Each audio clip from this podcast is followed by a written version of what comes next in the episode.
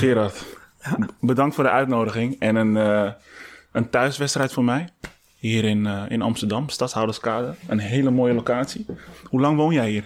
Ik woon hier sinds 1973. Oké. Toen kwam ik als student naar Amsterdam. Ja, En blootvoet, dat was hippie-tijd nog. Het staartje van de hippie-tijd. oké. En deze huizen stonden allemaal leeg. Dus we zijn hier met een man of 14 gaan wonen. En uiteindelijk eh, is het grootste deel verhuisd naar het buitenland. Of getrouwd eh, naar andere huizen gegaan. Ik ben hier altijd blijven wonen. Hm. En waar kom jij zelf vandaan? Ik eh, ben geboren in Venlo. Mhm. Maar ik ben opgegroeid in Rotterdam. Oké. In Venlo, zei je. Ja. Een Limburger. Ja, nou ja, mijn moeder was eh, Belgisch. Mijn Ja. vader was, die kwam ook uit, ja, uit die streken. Ja. En in Venlo is het gezin destijds, ik geloof zes kinderen hadden ze toen. Hm.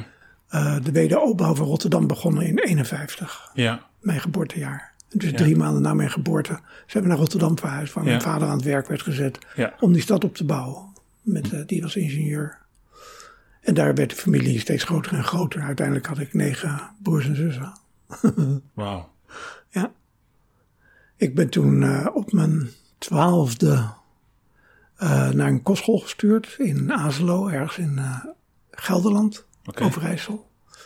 En eh, daar heb ik mijn middelbare school afgelopen. En kwam terug in Rotterdam om naar het lyceum gaan. En eh, ik wilde Frans gaan studeren in die tijd. Maar ik kwam op vakantie in die zomer, 69 geloof ik, of 70, ik weet niet meer. 69 geloof ik. Ehm, mijn eerste autootje was een eend. En tijdens mijn reis door Frankrijk, ik was met een vriend uit Rotterdam naar Zuid-Frankrijk gerezen. Waarom rijden we niet door naar Rome en zo dat soort dingen. Toen was de benzine nog geen dubbeltje. Is krankzinnig als je daar bij stilstaat. Maar die eend van mij die reed in op eh, 16 of 20, ik weet niet meer. Mm, wij zijn toen via Zuid-Frankrijk, Pisa, Rome, Venetië, die hele, dat hele Italië doorgereden. En natuurlijk met de nodige eh, avonturen in zowel Rome als elke stad waar we waren, was wel iets eh, grappigs. Hoe oud waren jullie eigenlijk? Eh, net 19 Ja. Ja. ja. Vlak voordat je naar Amsterdam komt ook. Ja. Nou ja, ik ben met mijn, ik, op, die, op die reis, aan het eind van die reis, want we zijn tot de, de hele kust van Joegoslavië afgereden destijds. En via Istanbul weer terug op een eilandje Kurk in het noorden van Joegoslavië. Een vriendinnetje tegengekomen die uit Zwitserland kwam. En dat Zwitserse vriendinnetje, daar ben ik mee gaan samenwonen. Maar eerst wilden we de wereld zien. Dus voordat ik ging studeren heb ik tegen haar gezegd, ik kom naar Zwitserland, daar ga ik werken. En dan gaan we met z'n tweede wereld rond. Dat heb ik gedaan. Dus we zijn over het land gaan liften, want ze hadden, ik geloof, duizend gulden bij ons. eh, ieder. En eh, de zomer van 72, toen hadden we dat geld bij elkaar. En zijn we via Italië, Joegoslavië, eh, Griekenland, Turkije, eh, Iran tot aan Teheran gekomen. En toen, eh, ja, liftend. En toen bleek dat Afghanistan dicht zat. Daar was een coup gepleegd en de koning was afgezet. Er was een staatsgreep. En we hoorden ook dat er Amerikaanse toeristen onthoofd waren. Die waren te paard door het binnenland van Afghanistan gelopen. Terwijl, ja, Afghanistan destijds was niet gevaarlijk. Maar het was dus wel gevaarlijk volgens eh, de reizigers die we Ja. onderweg tegenkwamen vanuit India naar Nederland. Destijds had je ook nog een Magic bus. En die reed van Amsterdam naar Kathmandu en weer terug. Waar is Kathmandu? Kathmandu ligt in Nepal. Ja. Als Dus je kan, dan, reis. je kan dan in Kabul uitstappen, of in Ja. Herat, of Ja. in eh, Teheran zelfs. Of in Peshawar, of in, ergens in India. Ja. Of in New Delhi, of in Nepal. En dan betaal je x bedrag. Maar dat hadden wij niet. We hadden gewoon niet zoveel geld, dus we liften het liever. Ja, ja, ja, ja. Die reis die heeft een eh, negen maanden geduurd ongeveer. Voordat wij terugkwamen in, in Nederland. Ik kwam natuurlijk terug met allerlei ziektes. Want wie gaat er nou naar India zonder, wie komt daar terug zonder ziekte? ja. Je wordt daar behoorlijk eh, aangestoken door allerlei. Ik weet niet wat het is, maar ik kwam eh vel overbeen terug met Ja. geelzucht en eh, noem het maar op. Je immuunsysteem kent dat ook niet. Het is, nee, het waren echt, eh, ik kreeg daar medicijnen die mij aan het zweten, ik moest het eruit zweten, want ze wisten niet wat ik had. Hmm. Mijn slaapzak werd er in dat hostel waar we sliepen in New Delhi Ja. om, het half jaar, om het half uur uitgevrongen. en ik moest veel drinken, maar ik had geen dorst. En kan je je voorstellen, ook nog eens in een tijd waarin er niet die technologie is die wij nu hebben. Ja. Als telefoons waar je even snel even kan Ja. googlen wat je nodig hebt of eh, iets dergelijks. Nee, ik moest. eh, dat is politie. ik moest eh, telegrammen sturen naar mijn vader aan het eind van mijn rit. Om nog 100 gulden te krijgen om de terugreis te kunnen betalen. Ik wilde Ja. er ergens wel die Mudjik bus pakken. Ja. Wat uiteindelijk in Kabul lukte. Want die, die, die, de winter was ingeslagen. En in Kabul zelf eh, kon je. Het was, ja, het was, ik geloof, maart. En in maart liggen de straten van Kabul, die zeg maar twee meter hoge sneeuw, wat bevriest. Dus de mensen gaan daar via de eerste etage naar, naar binnen. Dat is heel grappig om te zien. Maar ehm, daar konden we de bus nemen. Die kwam niet verder tot, ik geloof, Sarajevo in Joegoslavië destijds. En daar viel de bus uit elkaar. Die chauffeur die is toen hulp gaan halen. Ik heb hem nooit meer gezien. Maar ik heb wel zijn bondje wat, waar hij op zat op zijn stoel kunnen hebben. Want ik had kleren uit India, terwijl het ook in Joegoslavië vroor dat het kraakte. In 1973 er waren autoloze zondagen in Nederland. Dat wist ik niet, want ik was er niet. Maar het heeft nog wel een tijd geduurd voordat die 100 gulden die getelegrafeerd werden naar Joegoslavië, om die te ontvangen, om Ja. de trein te kunnen nemen vanuit Ja. Belgrado naar Amsterdam. Ja. En ik reed toen met mijn, eh, of ik reisde toen met mijn sitar die ik had ingeruild in India voor mijn geruild voor mijn gitaar. En die gitaar werd door de Italiaanse douane helemaal opengesneden, omdat ze dachten dat ik drugs bij me Ja. had, wat niet het geval was. Dus die hangt hier aan de muur, ik heb ik nooit meer kunnen gebruiken. Ja, maar het is wel, het is wel een mooi aandenken geworden. Ja. En in, eh, in, in, eh, eenmaal in Rotterdam bij mijn ouders terug. Toen bleek al snel dat ik niet kon aarden bij mijn ouders meer. Ik was daar uitgegroeid en wilde samenwonen met mijn vriendin. Dus wij hebben ons gevestigd hier in Amsterdam. Sindsdien woon ik hier. Aha, dus het is niet zo per se dat je vanwege je studie alleen naar Amsterdam bent gekomen. Nee, Je bent niet zo'n type die eh, is gekomen voor studie en is blijven hangen. Nee. Hmm. Nee, dit is echt een keus geweest. Het is een mooi pand. Het is, was een pand wat heel veel werk nodig had. Het Ja. kostte destijds 178.000 gulden. Ja. Ken je de geschiedenis van dit pand? Een beetje ja. Het is een pand uit 1895 in die buurt. 86, 95 is dit gebouwd. Het is aan de, zeg maar de buitenste rand van het centrum. Ja. Eh, de grote singelgracht ligt hiervoor. En eh, de pijp moest in 1930 worden gebouwd. Dus wij kijken over de pijp heen. Ja, precies. En we kijken ook op, op de ring, die hoge gebouwen daar. Ja. Die hebben wijds uitzicht, ja. Wat grappig, hè? Dan ben ik een echt Amsterdammer, om het zo maar te zeggen, want ik ben hier geboren. Maar jij hebt de stad veel beter, of veel An- eh, anders gekend. anders gekend, maar ook echt daadwerkelijk zien veranderen. Ja. Ook qua wat Ja. er omhoog is gekomen, qua gebouwen en Ja. ook qua populatie dat veranderd is. Toen ik hier kwam wonen was de pijp eh, een, grote bouwval. Het, Ja. was echt, het was echt een, eh, een. Ja, Veel, onbewoonbaar verklaarde woningen. ja, En eh, ja, je kon ze heel goedkoop opkopen. ja, En pas in de jaren negentig begon die house naar opknappen van een woning en die verkopen met winst. ja, En dat zag ik ook bij mijn buren hier en verderop gebeuren. Dat veel etages opeens apart werden verkocht. ja, Ik heb drie etages die net zo groot zijn als waar mensen nu met drie gezinnen wonen. ja, precies. Maar wat, wat was voor jou dan zo eh, aantrekkelijk aan Amsterdam? Want tegenwoordig... Omdat het heel internationaal is. Het is Toen al? Je komt, ja, heel, heel erg. eh, je komt hier iedereen tegen. Ja, En eh, dat is een beetje hetzelfde als in Parijs. Als je wat verder kijkt dan de lokale vriendschappen, als je alleen maar Frans Fransen kent. Mhm. Maar als je buitenlander bent in Frankrijk, dan herken je ook heel snel waar wat internationale plekken zijn Ja. waar mensen komen. ja, En eh, ik heb vanaf, mm, laat ik zeggen, eind jaren zeventig muziek gemaakt voor theatergezelschappen, voor Ja. dansgezelschappen, voor het theater. En eh, dan merk je dat Amsterdam vergeven was van internationale artiesten, Mm. waar je het heel snel kan vinden in eh, plekken als het Chaffee Theater, wat al lang niet meer bestaat. Dat is Ja. nu, eh, wat is het geworden, een ander centrum. Ik ben even de naam kwijt. Oké, ik ken het niet Maar hoor. al die eh, theaters in Amsterdam waren vergeven van eh, artiesten als Django Edwards, jazzmuzikanten, theatermensen, act- acteurs, dansers. Ja, En ik sloot mij al snel aan in 79 met Suzaku en Domo Danstheater, internationale groep acteurs en dansers.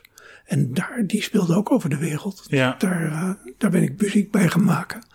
Daar heb ik LP's voor uitgebracht en zulke soort dingen. ja, En eh, daar tien jaar samen mee gewerkt. Ondertussen met, met andere gezelschappen. Hmm. Het was een hele rijke periode. Waar ook het Vondelpark eh, voor het eerst theaters werden uitgenodigd om te gaan performen in het park gratis. ja. Dat soort dingen ook vaak gestaan. Dus die reis die je hebt ge- gemaakt samen met jouw vriendin toen der tijd, die heeft jou wel laten inzien van oké, ik heb als mens heb ik veel meer behoefte aan diversiteit. Diversiteit is heel belangrijk, ja. En het bruiste hier van de diversiteit natuurlijk. Het heeft ook een beetje gevormd, mij gevormd, omdat ik in landen als Iran of in Af- Afghanistan, ook in India, de taal niet begrijp. En dan ben je aangewezen op wat mensen laten zien aan lichaamstaal. Mm, En dat vond ik wel boeiend, want ik, ik zag later dat ik muziek maakte bij dansers, bij acteurs, waar je eh, zeg maar de beweging uitdrukt in muziek. Waar je de, de dans begeleidt of juist stimuleert om op te ageren. ja, ja, Die wisselwerking. ja, En dat, eh, ja, dat, dat is in die, in die reizen is dat eh, door veel te reizen ook vooral naar boven gekomen. goed. En dat heeft je dus ja, ook in een eh, relatie gebracht met een dame die eh, eh, niet Nederlands is. Daar zullen we het zo meteen nog meer over hebben. We praten over van alles, maar niet over het onderwerp waar ik voor kom. Maar dat is helemaal goed. Hoe gaat het met je? Laat me daar eens mee beginnen. Hoe voel je je vandaag? Behalve mijn stem die ik kwijt ben geraakt door ja, allerlei eh, rechtszittingen waar ik het gevoel kreeg van ik mag helemaal niks zeggen, want mijn vrouw wil niets over autoverstoting horen. Ja, Terwijl ik zoiets heb van, maar ik mag mijn mond er niet eens over doen, want de rechters die accepteren het woord autoverstoting niet. nee. Dus ja, als je zo wordt, wordt beknopt, ik denk dat mijn stemverlies meer psychosomatisch of psychologisch is dan, eh, dan de realiteit, want ik kan heel hard schreeuwen. En dan voel ik mijn stem wel weer terugkomen. dat is ook zo grappig.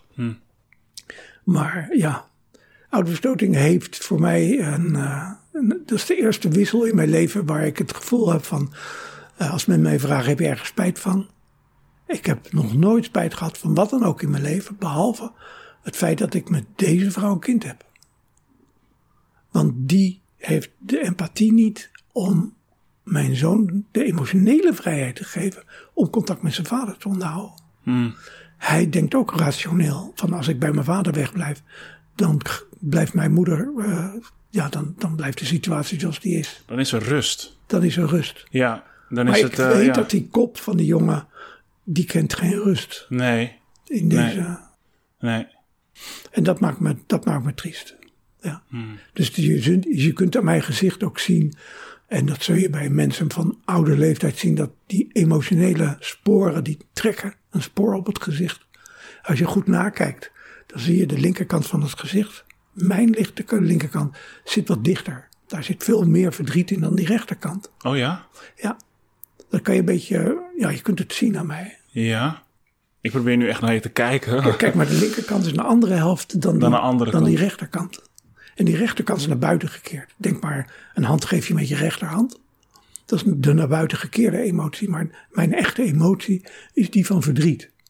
En dat is die aan de linkerkant van mijn gezicht. Komt dat zie je heel veel terug in oudere mensen die veel hebben meegemaakt. Hmm. Komt het dan ook voor eh, dat, dat de linkerkant bijvoorbeeld eerder verlamd zou raken dan de rechterkant? Nee, niet eerder. Maar dat ligt precies aan waar je een, een, een hersenbloeding krijgt. Ja. Dat, dat, dat loopt contralateraal. Ja. Dus als jij aan je linkerkant van je hersenen, in de linker hersenhelft, een bloeding krijgt, dan valt de rechterkant van je lichaam uit. Ja. En andersom. Ja. Ja. Die emotionele kant, die raakt verlamd in sommige gevallen, als de emotie en de druk van buitenaf Ja. in de hersenen aan de rechterkant gebeurt. Ja. Ja. En los van het feit dat je het kan zien, wat ik zelf nu nog niet heel goed kan zien. Ik zie nog wel een, eh, een je- symmetrisch gezicht. Kan niet. Dit Nee, ook is niet kleiner goed. dan dit, als het goed is. Ja, dat zie ik nu wel. eh, Als je erop let. ja, Ja, dat, zo is lichaamstaal. Als je niet weet waar je op moet letten, dan, dan, dan gaat het voorbij. Maar zal het ook zo, is het ook zo dat jij fysiek eh, eh, aan de linkerkant wat ja, minder motorisch krachtig bent? Niet, ja, maar ik ben altijd rechtshandig geweest. Ja, precies. Dus dat Dat is mijn voorkeurstoestand. Ja. toestand. En je zult zien dat de rechterkant van het lichaam meer precies is, meer rechtlijnen, rechte lijnen trekt. Hm. Eh, met links heb je meer ronde gebaren. Hm. Het is meer eh, je gevoelskant. Dus je, je, als je spontaan bent, praat je met beide handen. Met Ja. links ook. Ja. Als je puur rationeel denkt, dan komt dat op rechts eruit. Dus rechte lijnen. Politici zie je vaak met rechts, rechterhand praten. De linkerhand verdwijnt snel in de broekzak. Hè? Want dat, je wil jezelf niet zo snel laten of blootgeven, laat ik het zien. Hmm. Dat soort dingen, dat, dat zie je echt terug bij, eh, in, in lichaamstaal. Kan je ook nog wat zeggen over mensen die links of rechtshandig zijn? Ja, dat hun hersenfunctie iets anders werken. Maar eh, die rechts- of linkshandige is een, een voorkeursfunctie. Hmm. Als jij eh, aan het praten bent en je pakt met links je glas, bijvoorbeeld een glas water, dan is dat jouw voorkeurshandeling. Tenzij die rechterhand vrij is, dan doe je het met rechts als je rechts bent. Ja. Het ligt er maar net aan waar je voorkeur ligt. Ja. Ik weet dat er in de hersenen ook iets verschilt van rechtshandigen. Hmm. Maar grofweg, de, de, de hersenen van de meeste mensen werken op dezelfde manier. Ja. Ja, ik ben zelf linkshandig en ik hoor, eh, ik hoor altijd wel verhalen dat linkshandige mensen een betere reflex hebben. Ik weet natuurlijk niet of dat klopt. Ik, heb geen idee. niet, dat kan je zelf natrekken. Net een groter empathisch vermogen hebben. Dat zou kunnen hoor. Ik, eh, ik heb het nooit ontdekt. Nee, durf ik niet te zeggen. Hey, voordat we toch de diepte ingaan, zou je toch nog even kort... Je hebt al heel veel verteld over wat je hebt gedaan. Maar even vertellen wie je bent. Eh, en ja, wat je nu ook eigenlijk nog, eh, nog doet. Wat ik doe. Ik ben Gerard Stokkink. Ik ben ondertussen 71 geworden, wat ik nooit had gedacht. Oké? Ik vond vroeger 50 jaar al heel oud. Oh ja. Ja, toen mijn vader 50 was, ben ik naar zijn verjaardag gegaan, uiteraard. Ja. En dat vond ik toch een oude man. Ja? ja. Maar goed, ik ben eh, 71, woon in Amsterdam, ben docent eh, lichaamstaal, eh, onderzoeker op dat, eh, op dat gebied. En maar heb jarenlang eh, veel muziek gecomponeerd bij allerlei films, documentaires, voor tv. Eh, ja, van, eigenlijk van alles in die zin. Maar ik heb mij gespecialiseerd vooral de laatste jaren. Sinds ik mijn zoon niet meer zie, eh, ben ik eigenlijk gestopt met muziek. Want voor muziek moet je echt je, je hart en je, ja, je, je laat zeggen, de, de blokkeerde iets. Mhm. En ik, ik kan niet vrolijke muziek maken. Ja. waar ik- wat ik wel heel fijn vind om te Ja. maken. Ja. Dus dat, dat is een beperking geworden. Maar ik heb al vanaf eind vorige eeuw ben ik me bezig gehouden met de discipline wat betreft het, het, het verzamelen van informatie over lichaamstaal. En daar heb ik me dusdanig in verdiept en eh, bestudeerd en gestudeerd in, in het buitenland, ook vooral in Frankrijk, om eh, de non-verbale communicatie onder de knie te krijgen. Wat gebeurt er nou precies? Wat zie je en waarom kun je eh, lichaamstaal, hoe kun je het onderverdelen en waarom kun je bepaalde eh, besluiten nemen als het gaat over authenticiteit. eh, noem het maar op. En daarom pleit ik ook dat er in het eh, jeugdrecht bijvoorbeeld lichaamstaal wordt gebruikt om eh, aanwijzingen te geven. Zoals bijvoorbeeld in Spanje een eh, forensisch lichaamstaal-expert wordt gevraagd om te zien of een kind authentiek antwoorden geeft. Als, het, als het kind beweert dat het wordt mishandeld door een ouder. Want mijn zoon vertelt bijvoorbeeld eh, bij de raad dat hij wordt mishandeld. Er zijn geen aanwijzingen voor. Er is nooit een, een logboek over, of nooit een, een, En mishandeld door wie? aangifte door mij. Door ja, oké. En als hij dat beweert, dan zou dat dus ergens moeten staan of moeten zijn gecontroleerd of wat dan ook. Maar het is nooit gebeurd. Maar het staat wel in allerlei stukken dat hij dat heeft gezegd. Dus dat zal dan wel waar zijn. Ja. En dat wordt nu, bijvoorbeeld in, in Spanje zag ik laatst een hele rapportage. eh, dat een kind wat door de vader naar Spanje is ontvoerd om, eh, ja, om het bij de moeder weg te halen. Door de opa wordt misbruikt op dit moment. Maar in, dus eigenlijk in groot gevaar is.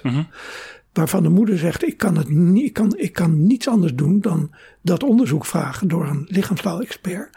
Om aan te geven dat het kind niet spontaan is in de antwoorden. Want daar wordt een kind wel ondervraagd door een rechter. En die antwoorden in een gesprek laten zien dat als je het hebt over mishandelingen, dat lichaam moet dat kunnen aangeven hoe dat gebeurd is. Want het lichaam vergeet niets. Het lichaam kan niet liegen. Je kunt zeggen wat je wil in je kop, je kunt verzinnen wat je wil, maar dat lichaam kan niet liegen. En als jij zegt, ik ben geslagen door mijn vader, en waar dan? En hoe dan? En hoe hard? En waar? De plek precies moet je kunnen aanwijzen. Een vrouw die verkracht is, weet precies wat er gebeurd is. Ja, dus de focus moeten we eigenlijk gewoon veel meer leggen. Ook hier. Dat lichaam is, kan niet liegen. Nee. Dus dat, dat, en dat vind ik bizar dat dat niet serieus wordt genomen. Het zal wel 40 jaar duren voordat we zover zijn in Nederland. We lopen vreselijk achter. Ten opzichte van Spanje heb je het? Bijvoorbeeld op dit gebied. Ja. In heel veel landen worden kinderen niet gescheiden van hun ouders. In Nee. Nederland is dat geen enkel punt. Ja. Ik kreeg eh, eh, gisteren de uitslag, de, besluiten, de beslissing van de rechter op een, eh, een zitting die ik heb aangevraagd naar, naarmate, of naar aanleiding van het gebrek aan, aan informatie die moeder verplicht is mij te geven. En waar aantoonbaar Ja. wordt gelogen door moeder Ja. dat het heel goed maakt met mijn zoon. Terwijl de rechter constateert, dat schrijft hij ook in zijn beslissing, ik zie een hele neergeslagen jongen.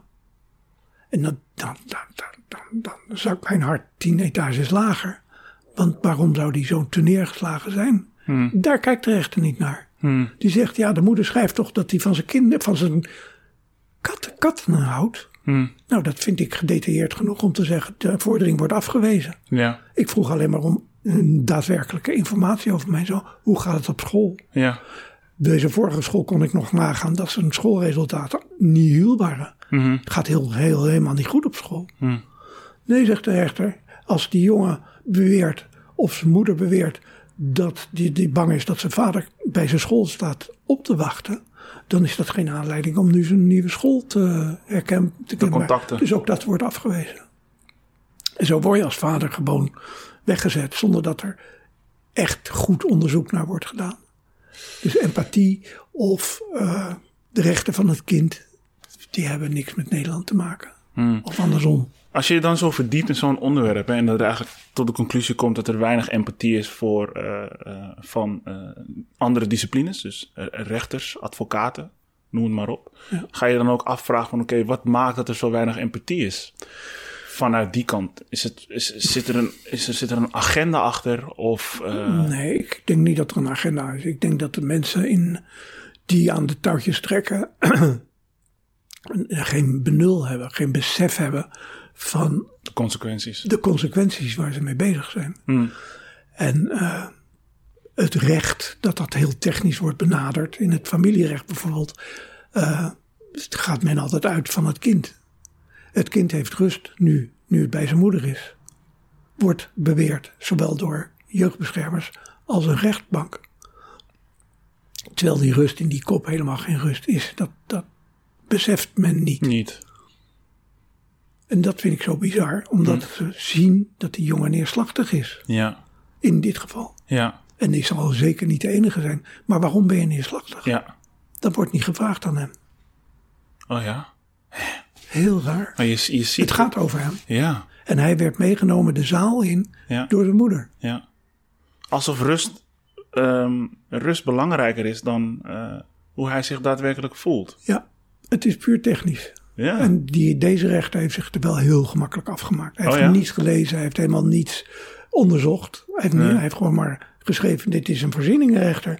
En eh, u vindt dat u te weinig informatie vindt. Ik vind dat als, als de moeder schrijft dat hij twee katten met liefde op, op, op doet groeien... Ja, dan is dat voor mij een voldoende bewijs dat zij gedetailleerde informatie geeft. ja. Ja, nou ja. Ik vind het zo moeilijk om te geloven dat het maar zo is dat rechters gewoon niet empathisch zijn. Want er zijn zoveel van dit soort situaties. De ene is wel empathisch, de ander niet. Je kan ze ook weer niet. Ik krijg ze wel eens in, in workshops of in, eh, in, in een middag. eh, Een keuzevak lichaamstaal. Ja, En dan hebben we het niet over lichaamstaal van mensen in de zaal. ja, Hè, zeg maar de verdachte of wat dan ook. Staat hij te liegen of niet? ja, En als die staat te liegen, dan is het een kwestie van doorvragen. ja. Want je kunt aan lichaamstaal zien wanneer iemand. Niet de Fake. waarheid spreekt. Ja, Ja, dat kun je zien. ja, En waaraan zie je dat? Dat is laat ik het, precies hetzelfde als jij in de stad loopt en eh, je kent Rome niet. Hè? Maar je, je zoekt het station en je vraagt aan iemand, eh, wat is de kortste weg naar het station? En je ziet iemand zijn hand naar zijn neus gaan. En hij gaat je uitleggen. Dan weet je van, ik krijg een goed antwoord. Hmm. Maar als diezelfde hand die naar de neus gaat, maar naar zijn achterhoofd grijpt.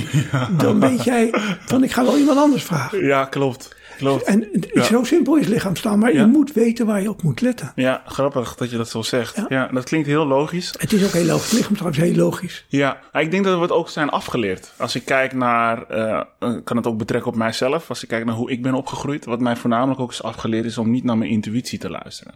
En dat gebeurt natuurlijk in, eh, Ja. in, in heel veel omgevingen. Dat als ik bijvoorbeeld zie dat mijn moeder verdrietig is en ik zeg: Mama, ik zie dat je verdrietig bent. En dan zegt zij: Nee, ik ben niet verdrietig. Nou, als dat structureel gebeurt, dan verandert mijn hele systeem. Ja. Waardoor ik eh lichaamstaal ook niet meer kan lezen of durf te lezen. Nou, ik denk, ik denk wel dat je het kunt lezen hoor. Ja? Ja. Het is een kwestie van eh, bewust omgaan met wat je ziet. En Hmm. waar, want dat, dat lichaam is op zich niet zo gecompliceerd. Hmm, Ehm, maar ik denk dat je, als je het over emoties hebt en eh, emoties herkennen, eh, je, je, je, je kunt, ja, jij noemt het intuïtie, hmm, Ehm, je kunt je gevoel niet negeren. hmm, Als je het negeert, eh, ik zal even een voorbeeld geven. Ehm, stel jij, jij krijgt het aanbod van een garage, je hebt een auto nodig, je wil een auto kopen. En die garage zegt, ik heb hier een prachtige Peugeot 205. Ja. Die is niet zo duur en eh, doe, het prima, doe het prima. Maar je moet wel nu besluiten. Want eh, er staat nog iemand anders op de stoep en die neemt hem misschien voordat je het weet. En verder heb ik niks, dus je moet wel nu besluiten. Dan kom jij in een conflict situatie dat je denkt van voor die 500 euro, dat is nu of nooit. Maar ik weet niet hoe die rijdt. En ik weet niet of, of ik die man kan vertrouwen, want ik ken die garage niet. hmm, Dan zit je in een conflict situatie. Rationeel denk je van 500 is niet duur, die gok neem ik wel. Aan de andere kant denk je, mijn gevoel zegt van ik wil ermee rijden om te voelen of het ding is. Ja, klopt. Als jij de volgende dag bij die garage terugkomt, dan is de vraag als je hem op je gevoel hebt gekocht. Of je koopt hem niet op je gevoel. Of je hebt hem niet gekocht omdat hij al weg is. Minder problemen dan als jij die auto hebt gekocht voor 500 gulden op die dag zelf. En de volgende dag jezelf nog steeds af te vragen, rijdt hij wel en hoe lang rijdt hij nog? Hmm, Dat gevoel, ken je dat? ja, dat ken ik heel goed. Dat is herkenbaar. Dat gebeurt eigenlijk in principe ook in contact met, met allerlei objecten. Ja. Ook in contact met vrouwen, in mijn geval bijvoorbeeld. Precies. Dus Ja. het, het, het, het, het verschil tussen ratio en jouw gevoel. Ja, Je mag je gevoel nooit eh, eh, vergeten of Ja. ontwijken of Ja. negeren. ja. ja. Het is doodzonde dat je dat is aangeleerd. Ik vind het een interessante, want ik, in, in mijn hoofd, en correct me if I'm wrong, heb ik altijd wel het idee dat gevoel en intuïtie twee totaal verschillende dingen zijn. En ik kan me ook wel heel goed voorstellen dat het dat gevoel vaak ook gewoon con- geconditioneerd is. Ja, Als ik bijvoorbeeld contact heb met een, eh, dat komt best wel regelmatig voor, hè, dat ik eh, contact heb met een dame. En ik, ik weet van mijzelf, ja, ik ben te vertrouwen, ik ken mijzelf. Maar tegelijkertijd kiest zij ervoor om toch nog eh, zichzelf niet volledig open te stellen. En als ik dan vraag waarom niet, dan legt ze dus uit wat er precies is gebeurd in haar leven, et cetera, et cetera. Dus er komen bepaalde gevoelens bij haar omhoog elke keer wanneer ik een bepaalde vraag stel. Waarbij ik denk van oké, komt dat gevoel wel overeen met de realiteit? Want het hoeft niet zo te zijn. Want ik, iedereen heeft een rugzak. Ja, Iedereen. En eh, de meeste van ons zijn beschadigd in, Ja. in de vroege jeugd. ja, ja, ja. En dat volgt, ja, dat, dat, dat heeft tot gevolg dat, je, dat iedereen eh, worstelt met, het, het- zeg maar, wat is, wat is emotie? Wat, is, wat zijn je gevoelens? Als je, eh, jij zegt, ik, ik kan het verschil moeilijk definiëren tussen intuïtie en gevoel. Mhm. Maar emotie gaat razendsnel. Mhm. Terwijl die gedachten veel trager zijn. En dan eh, kom ik even terug naar intuïtie. Als jij je gevoel negeert en je hebt het dan intuïtie, dan geef ik je nog een ander voorbeeld. Eh, je hebt die auto gekocht van 500 euro en eh, je staat langs de kant van de weg en je ziet rook uit de kap komen. En dat is de reden waarom je moet stilstaan en die kap open doen. En je legt de hand op die motor. Wat doe je dan? Dan trek je die hand razendsnel weg. Ja.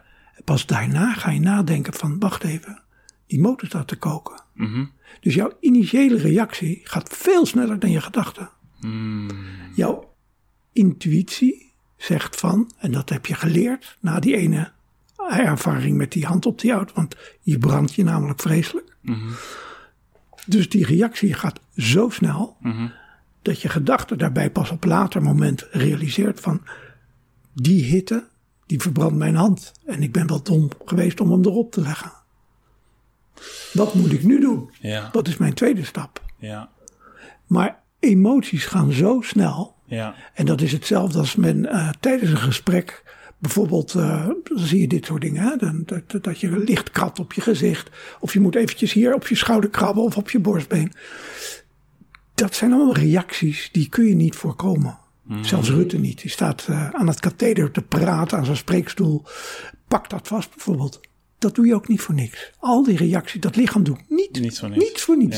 Ja, ja. En dat, dat is wat, wat emotie doet. Emotie is niets anders dan beweging. Dus ik bestudeer de beweging en stel dat bijvoorbeeld op het gezicht. Je, je kent die, eh, die reactie van Laurel Hardy. Ken ik niet? Ken je die niet? Nee? Eh, je ziet Stan Laurel vaak met, met zijn hand op zijn, over zijn bol schrijven.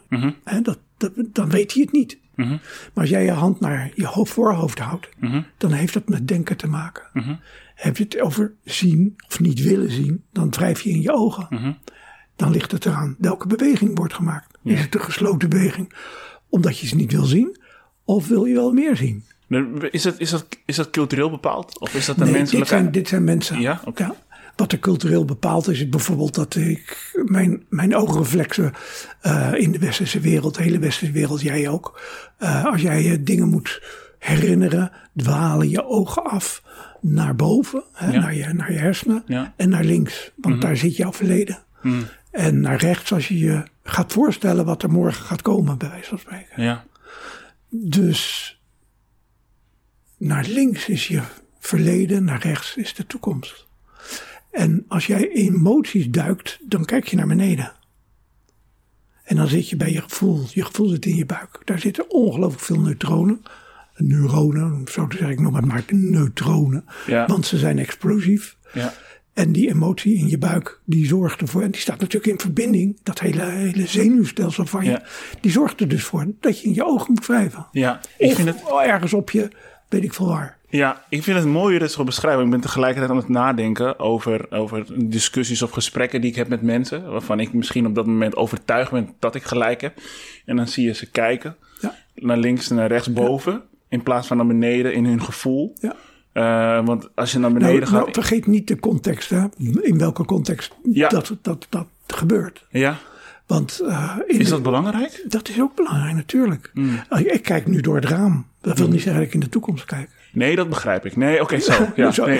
Die snap ik wel. Die snap ik wel. Maar ik, ik, ik- bedoel echt meer van soms zit je in een, in een, in een, eh, in een gesprek. Ik heb de ene overtuiging, die heeft die overtuiging. En het, het, het, het, het staat heel ver van elkaar af. En laat het zo zijn dat mijn overtuiging kloppend is. Dan, dan, dan kan ik mij voorstellen dat diegene naar links en naar rechts zal gaan kijken. In plaats van voelen. Want eh, het is misschien te zwaar om te voelen ehm, eh, kunnen, wat diegene nu zegt, zeg maar. Ja, ik, zou no ik zal nooit zeggen dat iemand liegt. Nee, nee, nee, nee, nee. ik kan, wel, kan wel stellen van, wacht even, zo'n reactie had ik niet verwacht. Dan stel ik een nieuwe vraag. Juist, om, om je aanname te checken, zeg maar. Ja. Ja. Maar cultureel bepaald zijn bijvoorbeeld wel die, die bewegingen van de ogen. Omdat ze, ze wij, wij schrijven in onze wereld van links naar rechts. Dus links naar de toekomst toe. En zo kun je dat relateren aan die oogbewegingen. Terwijl in Arabische landen zie je van rechts naar links. Omgekeerd evenredig aan de onze. Als wij gebaren maken en je zegt ik ging van Rotterdam naar Parijs, naar Barcelona, naar Madrid. Leg je die van links naar rechts naast elkaar. En, niet En een Arabier zal dat andersom doen. Want zijn verleden ligt rechts. En dat maakt het cultureel bepaald is. Waar, waar hoe die handelingen eh, worden verricht. Ja, maar je gebruikt Maar nog goed, dat steeds zijn, dat, zoveel is dat niet hoor. Nee. In sommige culturen wijzen ze naar hun voorhoofd als ze zichzelf bedoelen. Maar bij gaat het naar het borstbeeld, bij ons. Hmm. Hè? Dat lichaam, als we, het- als we moeilijk kunnen praten of we hebben moeite met spreken, dan vertrekt die hand naar de keel op een bepaald moment als je, iets, als je met moeite iets wilt bespreken. Ja, Of als iets heel moeilijk is te bespreken, gaat hij naar de achterkant van je nek. ja, Als diezelfde hand naar je borstbeen gaat, dan hebben we het over, bedoel je mij? Heb je het over mij? Eh, Gaat het over mij? Ja. Heb ik hier... en dan ligt het maar niet links op het, of op de rechterkant van het borstbeen is. Ook Ja. dat geeft weer aan, aan waar de gedachte zit. Heb je het over de buikstreek, dan heb je het over ik heb lekker gegeten. Of dan heb je het over values, over waarden, over normen. Eh, ik, ik ben het er niet mee eens. Dan gaat het over die buikstreek. En zo heb je dat hele lichaam kun je onderverdelen in, eh, in, in segmenten, zeg maar. En dat maakt het allemaal als een soort puzzel, of een, een, een woordenboek, waar je kunt lezen van, hé hey, wacht ik zie hem aan zijn oor. Maar waar krabt hij nou precies aan zijn oor? En is het, is het boven, heeft dat met iets hypothetisch wat iemand hoort te maken? Of aan de onderkant iets meer concreets? Wrijft hij over zijn wang of over zijn kaken? Of is het zijn kin? Hé, dit heeft met pijnzen te maken. Wat meer concreet is, pijnzen, dan denken. Wat hier zit, dit is meer hypothetisch.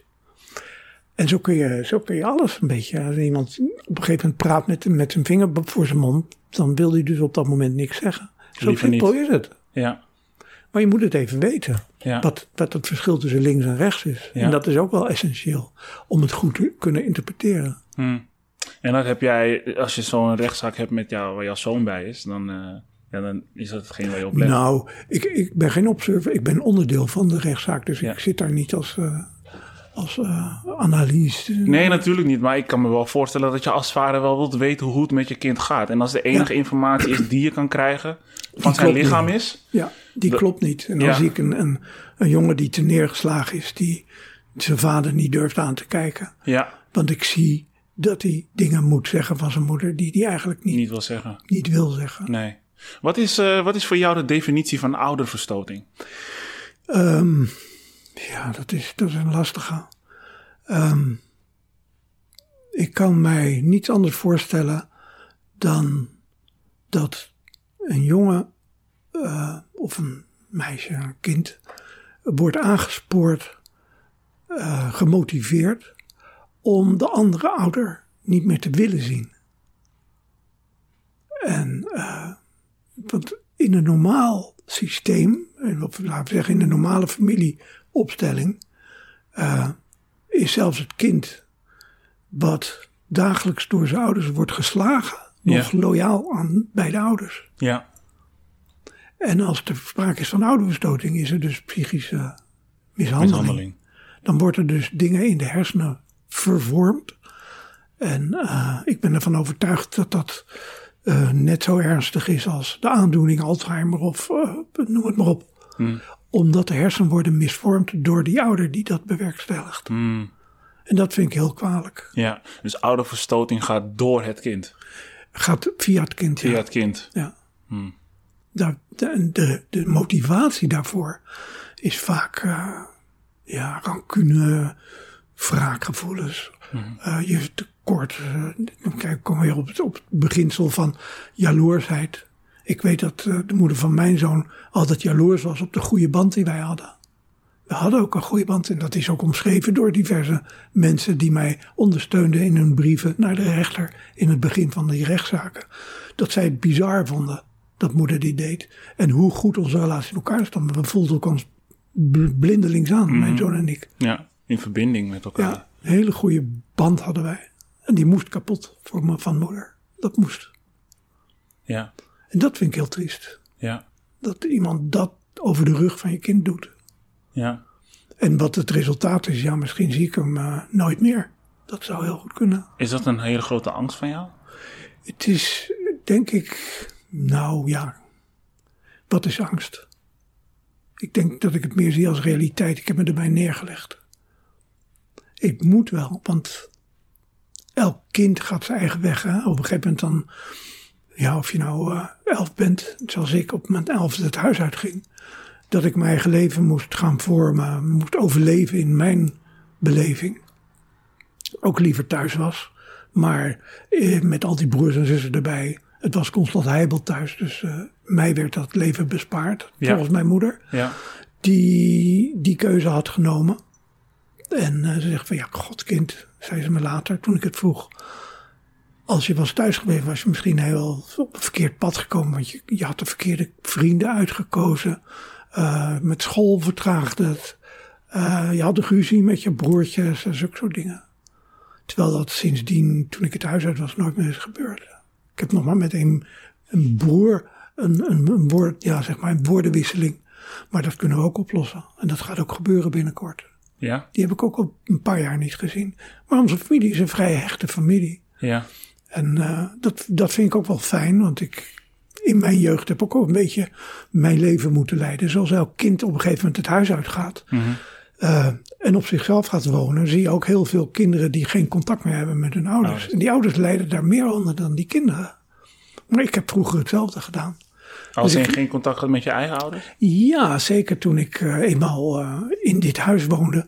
En mijn moeder hoorde zeggen, ja, je zit nou in Amsterdam om drugs te verkopen. Want die Ja. wist niet weten, ik was naar India geweest, dus was een drugdealer. Ja. Terwijl ik hier een hartstikke eerlijk en open, open bestaan had. En haar ook brieven schreef dat dat het geval was. Ja.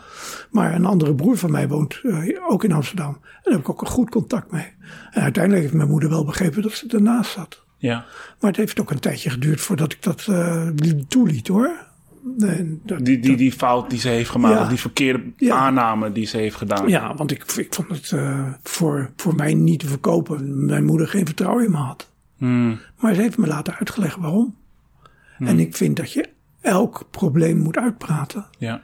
Want daar is het leven veel te kort voor. Ja. Daarom sta ik ook te kijken ik al, al de 70 gepasseerd ben. Zodat ik het door heb. Want zo voel ik me helemaal niet. Ik ben nog steeds aan het voetballen door alles wat ik wil. Ja. Ja. En het leven gaat inderdaad heel snel. Maar voor mijn zoon heb ik gezegd, ja, op de elfde moest hij het huis uit. Dat is de aanname die ik zelf maar heb moeten accepteren. Om te accepteren dat hij, zeg maar, die rust heeft om zijn eigen leven te leiden. Ja. Dus hij is vroeger uit huis gegaan dan dat hij normaal gesproken zou hebben gedaan. Het is Ja. maar wanneer hoe je ermee omgaat. Ja, dat snap ik. Dat snap ik. Je zei voordat we dit gesprek starten, zei je ook eh, van eh, ja, ik, ik zal hem moeten vergeten. Ik heb hem niets te vergeven of niets te vergeten. Ik, zal, ik blijf elke dag aan hem denken. En dat is ook een, denk ik, heel herkenbaar voor iedereen die, eh, die zijn kind niet ziet. Al is het overleden, of al is het eh, eh, verstoten, of noem het maar op. Ja. Je kinderen zijn iets, en dat vind ik wel iets heel apart. Die sensatie dat je ongeconditioneerd van iemand houdt. Geen enkele, eh, er is geen enkele reden voor mij om niet van mijn zoon te houden. En dat is wat, wat mij, ja, bij mijn ex natuurlijk meedweept. Die vindt dat geweldig. Dat ze mij op die manier eh, kan pesten. Want ik zie haar glimlach in de rechtszaal. Eh, omdat ze ziet dat ik er verdriet over heb. Raakt het je als je Dat, dat, dat raakt me wel. Ja? Daar, ben ik, daar ben ik nu een beetje eh, eh, van genezen. Oké. Maar ik vond het heel stuitend. Ja, tuurlijk. En dat vind ik wel iets eh, wat bij een psychopaat past. Ja. Ja. Hoe bizar Ja. dat ik ja, van zo iemand heb kunnen houden. En terwijl die in die tijd totaal anders, ander, ander mens was. Ja. Hoe dat zo kan switchen. Ja. En ik ben ervan overtuigd dat zij een fantastische moeder voor mijn zoon is. Want ze, ze heeft mij ook volledig kunnen inkapselen. Bedoel je dat, je dat je ervan overtuigd bent dat ze momenteel een fantastische moeder voor jouw zoon is? Absoluut. Die Geloof snap ik niet. Geloof ik absoluut. Ja? Ja. Wel op een verkeerde manier. Maar dat ze enorm veel van hem houdt en die liefde ook laat blijken aan mijn zoon, dat denk ik wel. Ja? Dat denk ik ja. Ik, ik, de afgelopen zes jaar weet ik er niks over te zeggen hoor. Nee. Maar ik weet dat mijn zoon, de tijden dat hij bij mij was, eh, tussen 2013 en 2016. hè, want in 2012 begon zij met het eerste, eh, dat was zeg maar de eerste serie rechtszaken, dat ik probeerde mijn zoon terug te zien. En die loyaliteitsproblematiek begon. Eh, daarna was mijn zoon, die bloeide helemaal op. Dus die was blij dat hij zijn beide ouders kon zien. Beide. Ook mij dus. En ook haar. En dat hij altijd, was hij de week, eh, om de week was hij bij mij. Dat hij liever bij mij in bed sliep dan bij zijn moeder. Of bij, eh, in zijn eigen kamer was voor mij een teken dat hij zich heel vertrouwd voelde bij mij. En we ook vaak grapjes te maken in bed. En eh, hij had nooit problemen om in slaap te vallen. Het was gewoon een hele goede band die we hadden. En eh, ja, dat, dat, dat is wel triest. Dat, dat miste ik zeker in het begin. En ik kon me niet voorstellen dat hij, eh, dat hij tegen raadsonderzoeken zei... Mijn vader rijdt motor, maar als hij motor ongeluk krijgt, ja, dat is zijn karma. Dat heeft hij van de vriendin van mijn, mijn ex meegekregen. Karma. Ook zo'n vaag woord. Wat is dat precies? Ehm, het is voor mij best lastig om onderzoek te doen in het veld van vechtscheidingen. Ehm, want ergens zie ik dat vechtscheidingen zijn toegenomen. Ehm, en daarbij sluit ik niet uit dat vechtscheidingen vaker eh, ja, ja, meer worden geïdentificeerd. Of extra onder, onder de aandacht komen. Dus ik weet nou niet of er nou meer vechtscheidingen zijn in deze tijd of wel. Dat vind ik heel lastig. Eh, maar hoe was het voor jullie dan? Ik kon me niet voorstellen dat ik in een vechtscheiding kon komen met haar. Want we hadden gewoon een fantastische relatie. Ja, dat heeft niemand, hè, denk ik, die in een, bijna niemand in een vechtscheiding. Nee, daar ben je helemaal niet mee bezig. Nee. Pas toen ik eh, te horen kreeg dat ik mijn zoon nooit meer zou zien. eh, toen, toen, toen, toen ik zei van ik wil de relatie stoppen. Ik wil ook niet meer dat je, dat je bij me komt. Eh, ja, toen, toen, toen brak er iets. Ik weet niet hoe ik dat moet, moet omschrijven het moment. Maar ik voelde wel, dit wordt, als we dit niet in de hand houden, gaat het moeilijk worden. Ja. Maar ik weet dat het jaren heeft geduurd voordat ik het durfde te omschrijven, een vechtscheiding. Want zij bleef maar eh, tegenwerken. Ze, wel, ze wilde niet communiceren. En ik zei, maar wij hebben altijd goed gecommuniceerd. Wat is er wat je weer, weerhoudt? Nou, dat vertel ik je wel een keer. En daar bleef het bij. Bij, ja. Heeft ze nog nooit verteld. Nog, nog steeds niet tot nu. Ja, ja, ja, ja, ja. Dus er is nooit een reden voor haar geweest om te stoppen. Alleen anders, niet anders dan de boel in de war stoppen, eh, sturen. Hmm. En dat is in feite gebeurd. ja, ja. Dus jij wilde in principe ook niet toegeven dat je in een vechtscheiding zat, begrijp ik dat zo? Ik wilde niet toegeven dat ik in een vechtscheiding zat. Totdat ik erachter kwam dat, het, dat er een gevecht ontstond Ja. over ons kind. Ja, Want we waren gescheiden zonder veel problemen. Problemen over inboedel, eh, huizen, bezit, noem het maar op. ja, Dat was allemaal achter de rug. ja, En pas daarna begon, het, eh, begon er een strijd over ons kind. Wat ik heel bizar vond, omdat dat zij en ik allebei overtuigd waren dat we het beste wilden voor ons voor kind. kind. Ja. En dan zie je hoe het... eh, En dan zie je hoe het escaleert. En dan zie je, voor mij was het een. Ik wist niet hoe het had toen ik, voor de, voor, toen ik de. Hoe heet dat? De jeugdzorg belde.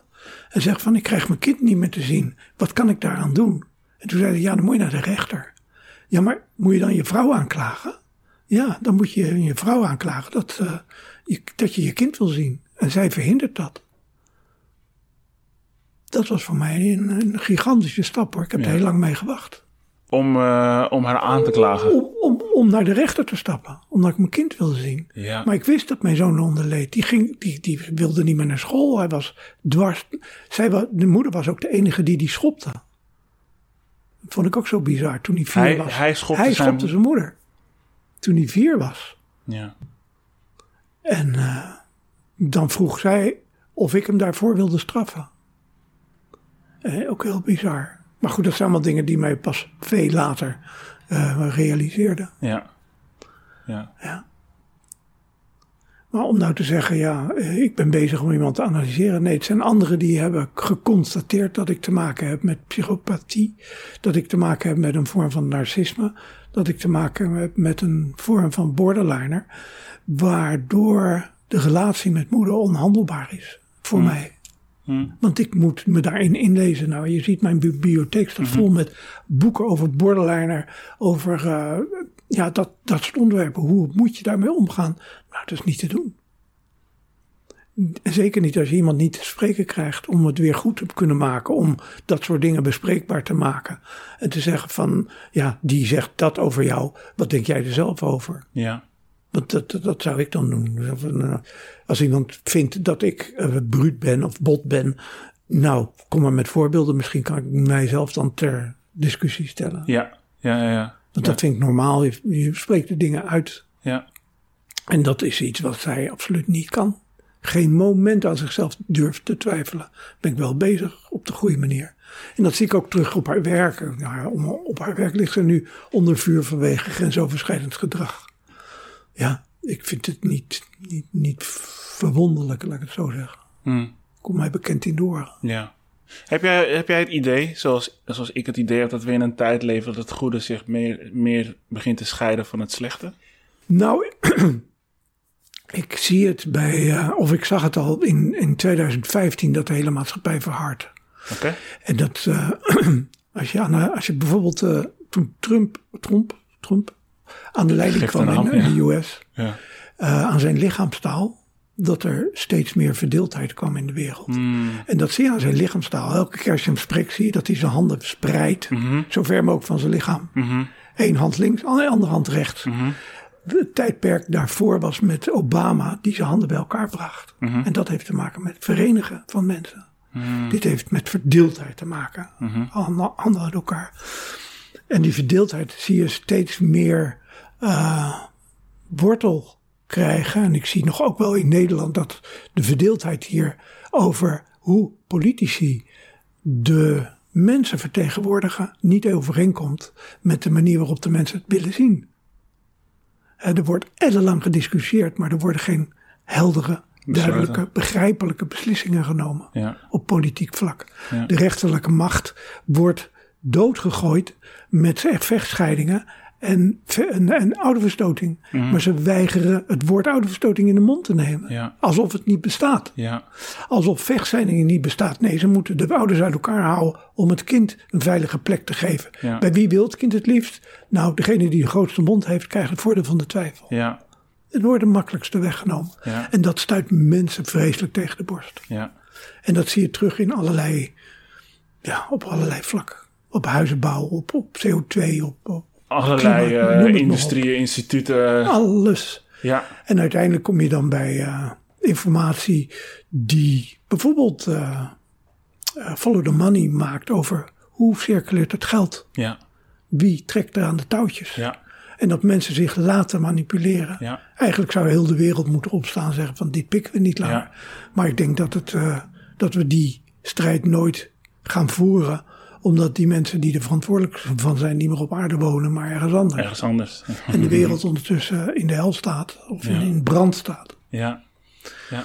Dus ja, we gaan met z'n allen een grote ondergang tegemoet als we er geen verandering of een draai aan geven. Ja. En die draai zie ik niet zo snel. Er zijn weinig mensen die hun mond durven opentrekken. En als ze het al doen, worden ze de mond gesnoerd. Ja.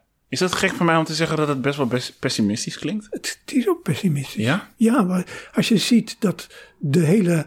eh, neem even het klimaat. Ja. Wat er gebeurt. Mhm. De klimaat herstelt zichzelf, zegt men altijd. Al, al eeuwen? Al, Ik geloof, ik geloof er heilig in. Ja. Maar als de natuur heeft in, in het verschiet liggen dat de mensheid eh, de aanleiding is, dan moet de mensheid verdwijnen. Mhm. En als je dat te pessimistisch, ik vind het niet pessimistisch hoor. Gewoon realistisch. Ja, realistisch. Ja, ja maar ik meer als in eh, wat ik hoor is. eh, dat gebeurt natuurlijk ook heel vaak dat degene die, die de- in zijn waarheid staat. ehm, door de radicale wordt. eh, ja, de, de mond wordt gesnoerd door de radi- radicalen. Dat durf ik niet te stellen. Ik weet niet wat de waarheid is. Hmm. Er is altijd een, een, een waarheid van de een en een waarheid van de ander. Ja, En eh, ik gaf vroeger, vroeger colleges op UvA, hoe heet het, eh, HVA, waarin ik het eh, verschil tussen geloof en religie aan de kaak wilde stellen. Omdat het geloof zo sterk is. Maar wat is dan precies geloof? Nou, pre- geloof is hetgeen wat jij gelooft. ja, En als jij gelooft dat je niet naar buiten gaat als het regent, omdat je dan nat wordt, dan is dat, dan is dat zo. ja, Maar religie heeft iets eh, veel diepers, veel spirituelers te maken. Daar hoef je niemand over lastig te vallen. Jouw religie is, eh, en daar komen alle religies in overeen, ja, dat je elkaar met rust laat. Dat je elkaar niet de hersens inslaat. Dat je, je de vrouw van de ander niet afpikt. Zulke Ja. soort dingen. ja, ja, ja, ja. En eh, dat zijn dan geboden die in elke religie ziet terugkomen. ja. Maar als jij gelooft dat, dat Rusland groter moet worden door inname van Oekraïne, want dat herstelt jouw hegemonie van het oude Rusland. en je gelooft er heilig in, dan doe je er alles voor. Ja, dan sta je erachter. En dus is geloof iets heel erg destructiefs Hmm. vergeleken bij een religie. Want een religie heeft niks destructiefs in zich. Nee, in essentie. En dat is wel een groot verschil, vind ik. Ja, Maar mensen die ik daarover spreek, die weten het verschil niet. En, en dat geldt vooral mensen die eh, de islam volgen. Hij is voor je, je telefoon. Ja. Wat zei je nou? Het geldt vooral voor mensen die de islam volgen. Ja, die hebben helemaal geen. Die maken helemaal geen verschil tussen geloof en religie. Hmm. Viel mij op. Mensen die eh, katholiek zijn opgevoed, kunnen daar wat meer in genuanceerd in denken. Hmm. Mensen die eh, zeg maar westers georiënteerd zijn. Ja, het is een filosofisch vraagstuk bijna. Ja. Hoewel, het is geen vraagstuk. Als je gewoon heel nuchter benadert, is het geloof een, eh, ja, een overtuiging van jezelf. Die niets met religie te maken heeft. Hmm. Want als je de Koran leest of de Bijbel, dan zie je dat het veel verder gaat dan ons Ja. bewustzijn kan, kan meten. Pre- Precies. Om het even in Jip en Janneke taal eh, te zeggen, zou je dan eerder zeggen: geloof komt voornamelijk uit de persoonlijkheid en de religie komt uit het bewustzijn. Ja, zo kun je het stellen.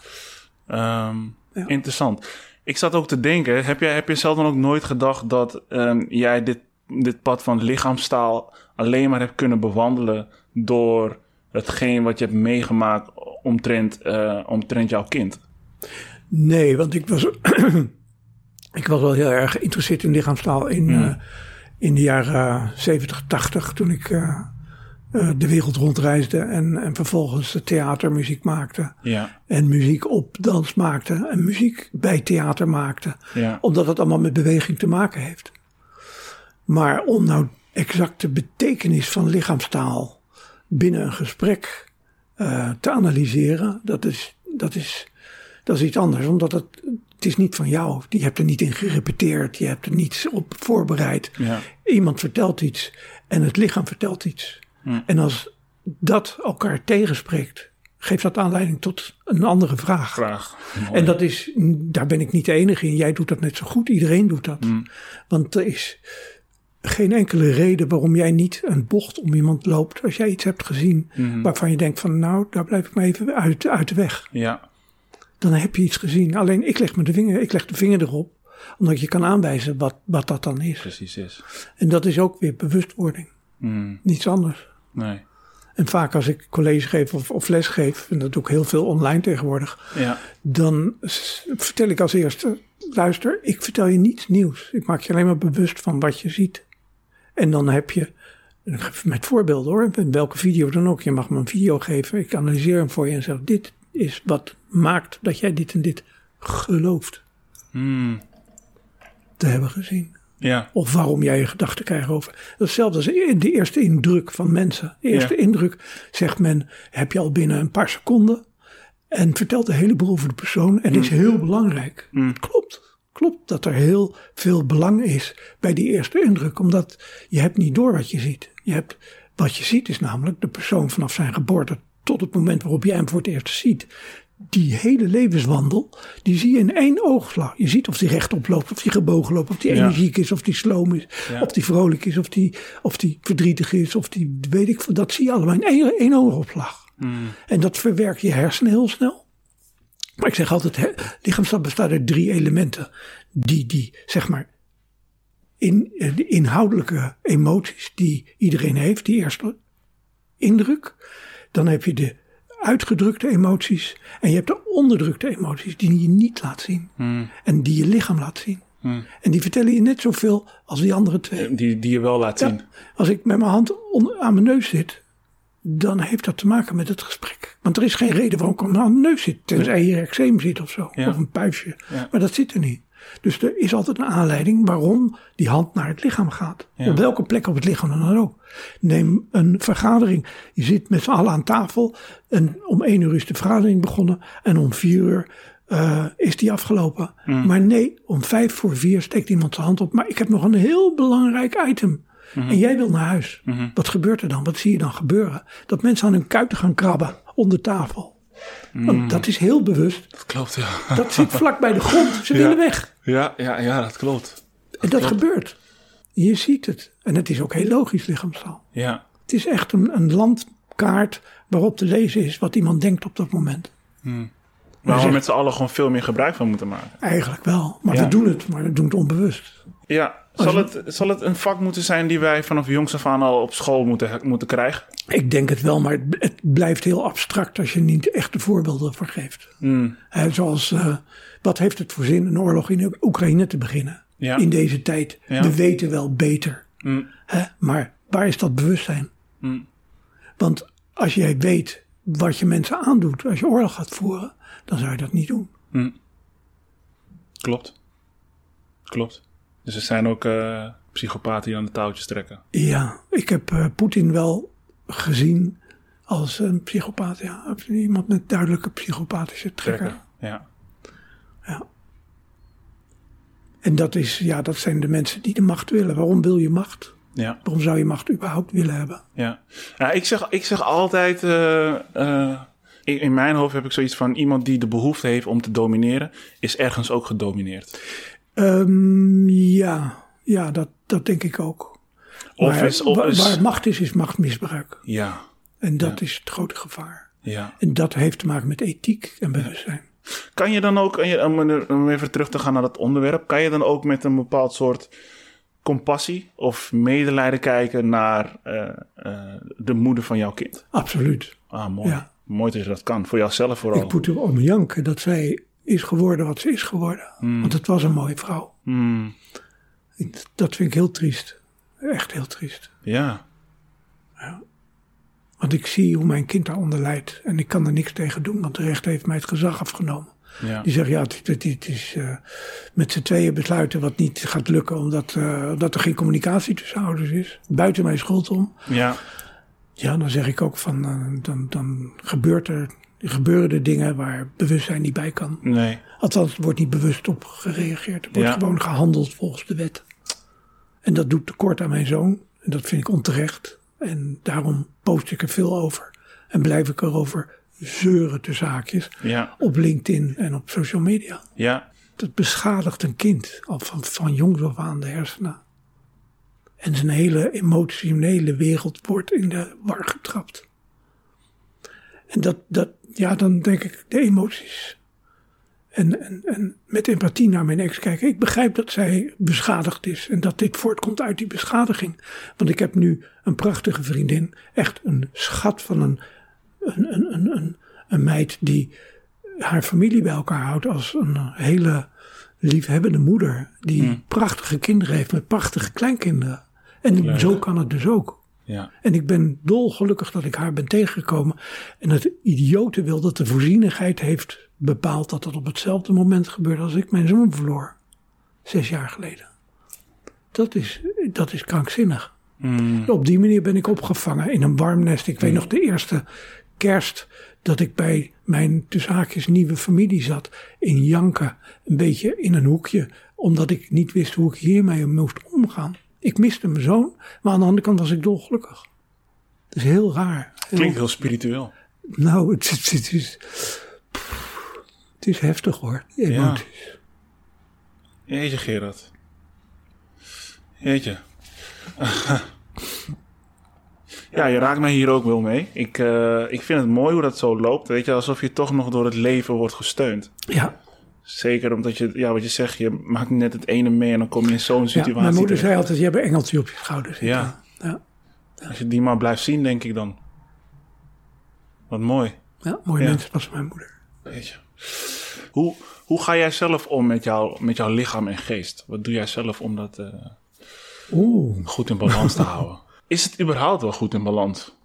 Ehm, sinds ik een hartinfarct kreeg, naar aanleiding van alle stress die ik ondervond van eh, het gemis van mijn zoon, en mij enorm zorgen maakte over zijn eh, gesteldheid. Dat was voordat, ja, ruim voordat ik die meedeed aan die, aan die documentaire Verstoten Vaders. Ehm, ik maakte enorm veel zorgen over hem. En toen, eh, ja, toen kreeg ik op straat opeens een moment van ik kan niet verder. Sta stil.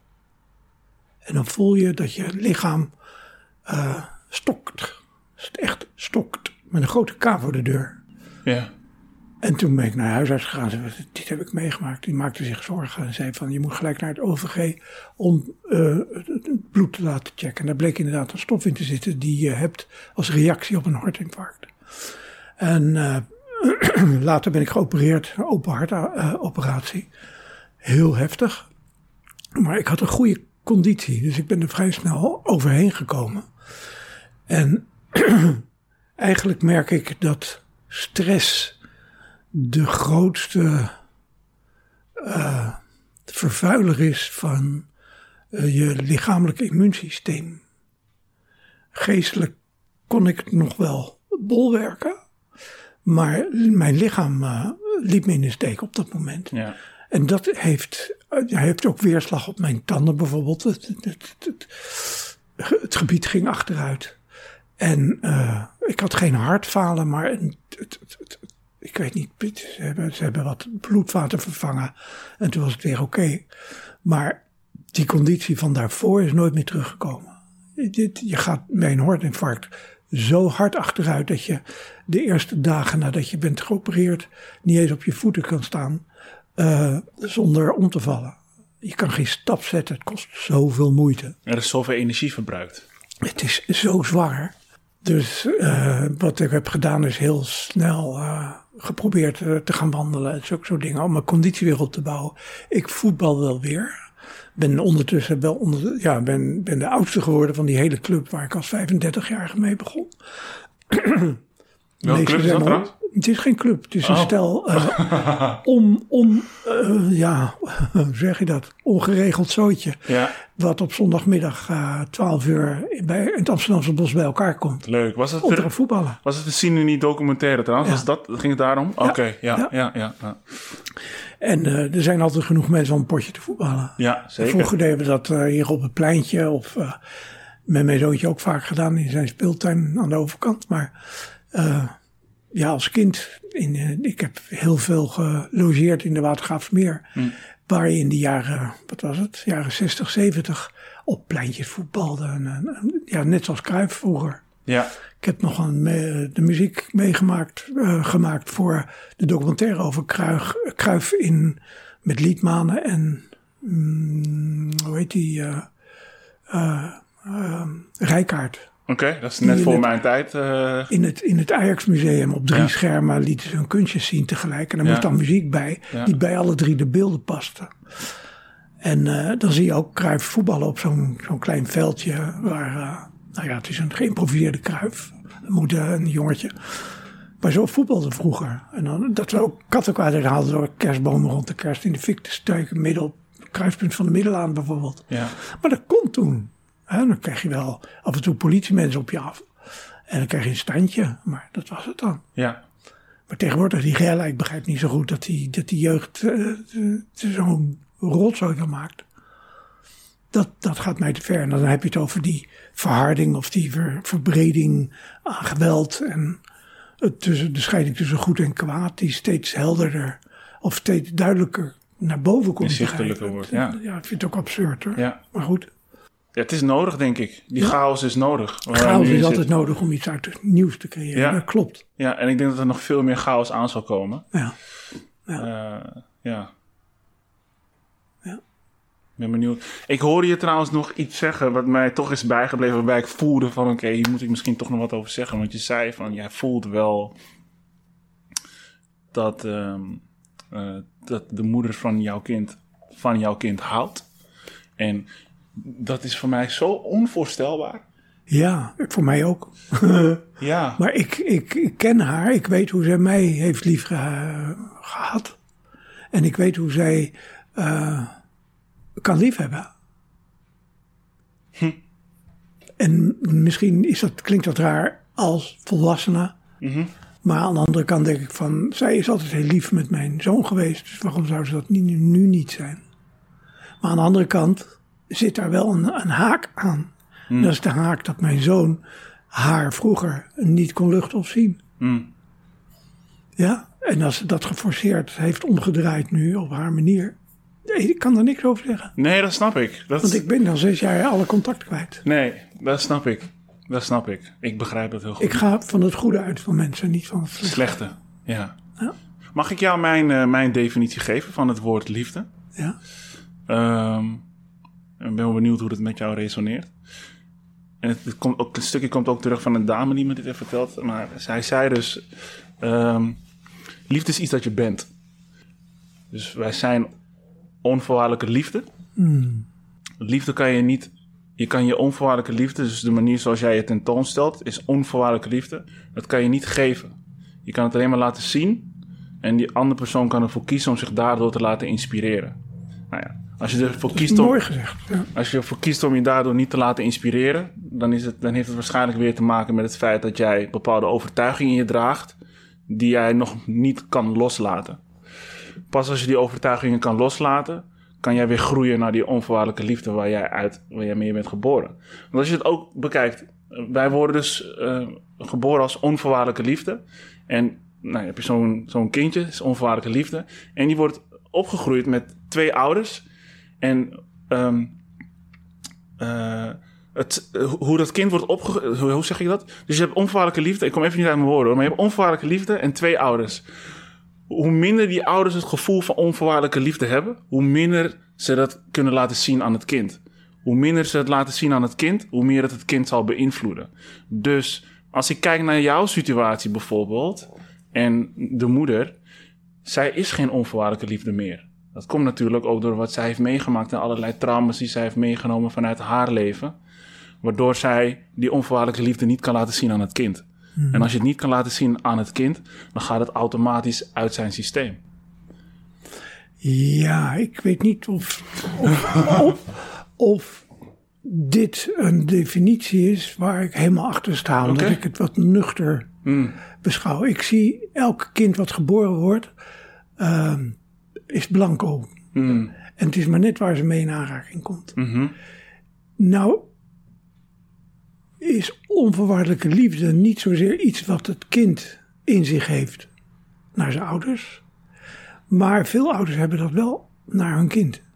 Ja, maar hoe kan je onvoorwaardelijk van je kind houden, niet van een ander? Want dat is dus de voorwaarde. Eh, Je kunt, ja, nou ja, dat noemen ze in het katholicisme je gaat trouwen met iemand en je blijft tot aan de dood trouw aan die persoon. Ja. Want je hebt, je hebt de afspraak gemaakt. Ja. Dat je, of je hebt tegen jezelf gezegd: ik hou onvoorwaardelijk van haar, wat er ook gebeurt. Ja. Zo ben ik ook in mijn huwelijk naar mijn ex gestapt. Oké. Ehm, wat er ook gebeurt, als je het koud hebt, moet je het zeggen hoor. Nee, nee, nee, goed. Want ik heb de, de kachel niet eens aan. Nee nee, nee, nee, nee, nee, nee, nee, Oh, je kijkt naar mijn lichaamstaal. Ja. Nee, ik zie Nee, hier het ook gaat goed. Het gaat goed. Ik zit er nu helemaal in. Dus dan, eh, Ehm, wat, ik, eh, wat ik wil zeggen. onvo- ja, als je een kind krijgt. En dat, ik heb altijd, altijd zoiets gehad van. Als je in een relatie stapt. Moet je bij jezelf afvragen. Hou ik voldoende van die persoon.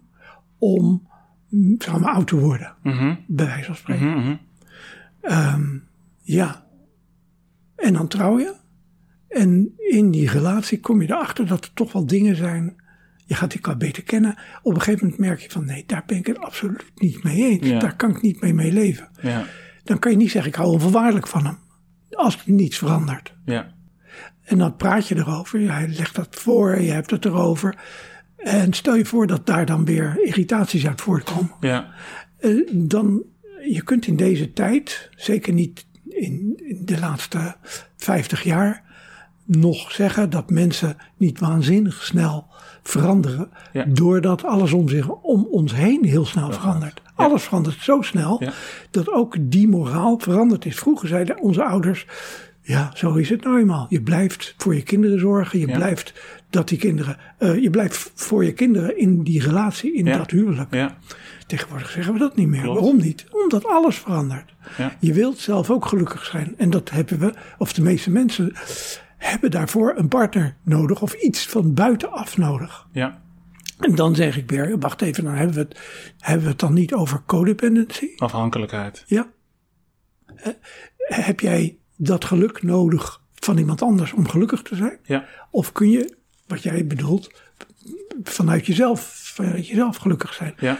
Als jij in balans bent met jezelf, dan is dat geen enkel probleem. Ja. En ik merk voor mij bijvoorbeeld, eh, als ik in mijn huis ben en alleen, ben ik diep gelukkig, om het zo te zeggen. Ja, ik ben in mijn element, ik kan doen en laten wat ik wil. Er is geen moment waarop ik denk, ik ben ongelukkig. Ja. Die ongelukkigheid, dat gevoel, is heel subjectief, maar komt op momenten dat ik het gevoel krijg dat ik niet in het hier en nu ben, maar denk aan hoe het zou hebben kunnen zijn, Ja. of zoiets. Ja. Ja. Dat, dat, dat, hoe zou het zijn met mijn zoon? Ja. Als ik daaraan denk, Ja. dan ben ik niet gelukkig. Ja. Dat dan denk ik het iets anders. ja, dat is waar stress vandaan komt, denk ik dan toch? Door te zitten in, je, in je verleden en in de toekomst. Ja, maar stress wordt ook veroorzaakt door omstandigheden. Hmm. En ja, wat is geluk? Wat is wijsheid? Wat is. eh, eh, wat waar jij het over hebt, is een, vorm van. Ja, laten we zeggen, een definitie van het boeddhisme bijna. Hm. Maar het, het zijn in het hier en nu. Eh, er is niets wat mij verhindert om nu niet gelukkig te zijn. Ik ben gewoon in gesprek met jou. We hebben het over, over dingen die jou en mij aan het hart gaan. En dan eh, is er geen gedachte die afleidt Ja. om ongelukkig te zijn. Mooi. Ja. En dat, dan, dan kun je geluk of gelukkig zijn weer op een andere manier beschouwen. Hm. Ja.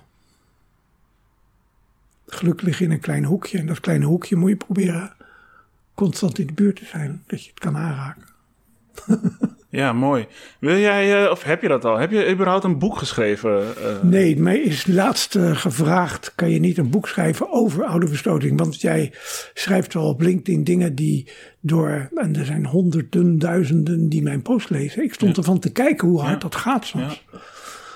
En ik ben helemaal geen schrijver. Alleen soms dan moet ik iets kwijt. En dat komt echt uit mijn hart. En dan Ja. schrijf ik dat op. Ja. En dan vraag ik me af, maar word ik daarvoor niet aangeklaagd? Want ik ben vorig jaar ook alweer vijf keer aangeklaagd door mijn ex. Die zegt over zichzelf dat ze in een publieke functie geen kritiek mag. Want dat kan haar positie verzwakken of, of misschien wel schade brengen.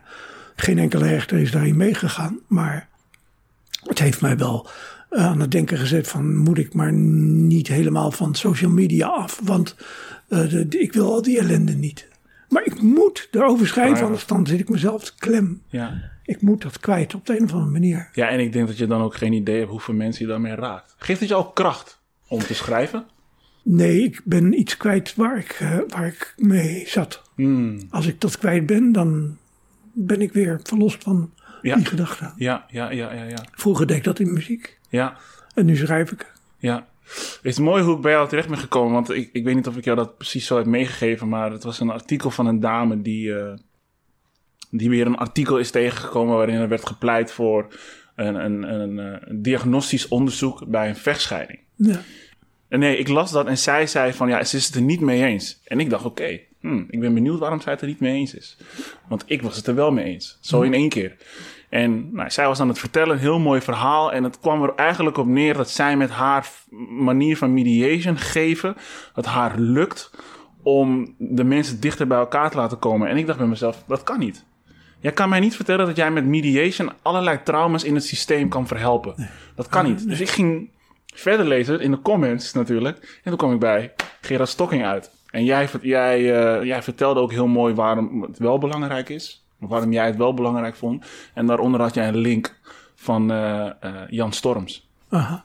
Ik weet niet of je, dat, of je überhaupt nog iets daarvan nee, kan dat is lang herinneren. geleden. Maar ik heb inderdaad wel een post gestuurd waarop ik pleitte dat eh, vechtscheidingen horen niet bij jeugdzorg thuis. Hmm, En dat heeft echt te maken dat die mensen binnen de jeugdzorg, ik heb ermee gewerkt op de HVA, heeft ze les gegeven, die zijn daar niet voor. Die zijn er niet voor om, om volwassen problematiek eh, te analyseren en te zeggen van jij bent daar de schuld van. Nee, die zeggen wij komen voor het kind op en het kind moet uit een hachelijke situatie worden gehaald. Ja, Dat kan zijn dat het kind wordt mishandeld thuis en dat dat niet goed is voor een kind. ja, Ik vraag me dan soms wel eens af, is dat wel zo? Zijn ze niet beter af door thuis te blijven en die ouders aan te pakken? Hoe bedoel je nog één keer? Die ouders aanpakken Ja. om ze eh, te laten realiseren dat slaan niet goed is, Ah, zo in plaats van het kind weghalen bij de ouders. Ja. bijvoorbeeld. Ehm, maar ja, vechtscheidingen. Ik merk gewoon dat eh, in de hele, het hele systeem van jeugdzorg en rechtspraak eh, veel te kortzichtig wordt omgegaan met zowel de rechten van het kind op zijn beide ouders. Ja. Er wordt heel makkelijk over ge- ge- gesproken. En dat er één ouder heel snel uit het leven moet verdwijnen bij een vechtscheiding. Ja. Terwijl dat vaak de verkeerde ouder is. Ja. En dat merk ik ook in mijn eigen eh, situatie. Dat moeder degene is die niet wenst mee te werken aan welke oplossing dan ook. Vorig jaar stond er nog een hele bekende mediator die ons samen wilde brengen in belang van het kind. Moeder was de enige die niet op kwam dagen. Mm. Die had daar geen zin in. Dus dat bewijst wel dat wat ik in een van die rechtszaken beweerde. Als het kind mij zou worden toegewezen, zou ik in staat zijn om moeder omgang te garanderen. Andersom gebeurt dat niet. En dat kwam ook uit later. Ja. En dat vond ik wel heel wrang om, om mee te maken. Ja. Maar goed, het schijnt dus nog wat te hebben in te halen aan negatieve, negatieve vibes. in mijn Ja, leven. natuurlijk. Omdat ik alles heb gedaan in mijn leven wat ik leuk vond. Ja. Altijd gedaan wat ik leuk vond. Ja. En dat kan ze niet hebben. En nou, dat weet ik niet. Ik denk dat zij net zo leeft als ik. Hmm. In die zin, die filosofie heeft ze wel voor mij eh, geaccepteerd. En misschien wel geëvenaard. Mm. Want zij doet ook wel. Ik heb haar altijd gevraagd: wat doe je nou het liefst in je leven? Zij zegt buikdansen. Nou, ga, ga daar les in geven. Doe daar wat mee. Als je dat het allerleukste vindt, moet je dat gewoon. Je moet, Ja. je moet proberen te werken in een domein waar je, waar je, waar je geen gevoel hebt dat je aan het werk bent. Ja. Dat had ik met muziek. Ja. Mooi. Mooi. Als je doet wat je leuk vindt, hoef je geen dag te werken in je leven. Ja. In principe. Af en toe een mindere dag, dat kan. Helder. Maar goed, het boek, eh, ja, ik- de manier hoe jij vertelt. En de manier zoals jij schrijft op, op Ja, LinkedIn. dan zou ik iemand moeten kennen of tegenkomen die, kan, die goed kan schrijven. Ja, En wat ik zeg opschrijft. ja, Want ik ben niet zo goed om een heel boek te schrijven. nee, Ik kan korte stukjes schrijven, maar Ja. geen boek. nee. Maar er werd laatst belde een uitgever die zegt van ik wil van jou graag discussiëren om een boek uit te geven over ouderverstoting en eentje over lichaamstaal. Prachtig. Ik hoef niet eens een, ik hoef niet eens een uitgever te zoeken. Ja. Dat vind ik wel briljant. Ja. Maar goed, het moet allemaal nog gedaan worden. Ja, dat snap ik. Maar ik, ik, ik, voel ook gewoon dat dit, ehm, eh, dit de tijd is om, eh, Ja, om daarover te- ja, veel meer over naar buiten te komen. Veel meer over te praten. ja. Eh, inderdaad, omdat ik gewoon ook inzie hoe, hoe, hoe het goed zich afscheidt van het kwade. Ehm, Ja. Ja. Nou ja, het, het kwade. Ik wil, ik wil niemand veroordelen tot eh, weet ik veel. Maar ik vind dat het bewustzijn van de mensen wel wakker moet worden. Ja. ja. Echt. Heb je het idee dat het wel gebeurt? Nou, er zijn een paar mensen die wat bewuster omgaan met materie. Ja. Maar er zijn een hoop mensen die maar gewoon achter de kudde aanlopen. Ja. En die Ja. kudde zijn dan zeg maar de mensen die beleid maken of weet ik veel wat. Ja. Ja, ik vind dat je, als je het er niet mee eens bent, mag je je mond opentrekken. Dat mag in Nederland gelukkig. Ja. Maar als je te ver gaat en de mensen bij de, zeg maar, bij de hoorts pakt, dan word je al eh getackeld. Ja. Want dat heeft met privacy te maken of met dit of met dat. Ja.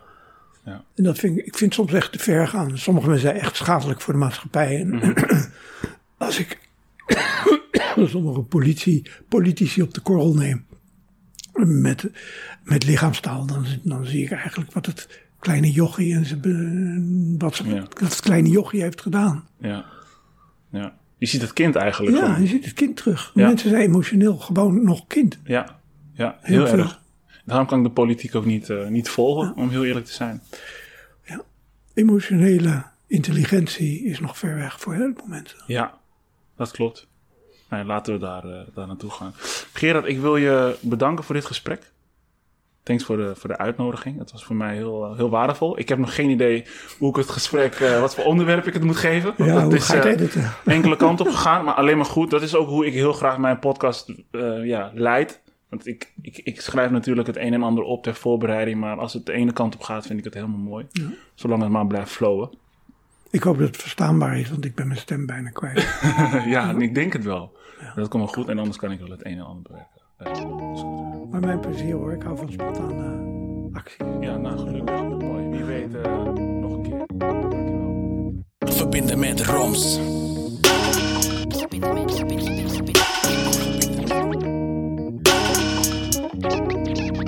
Verbinden met Roms.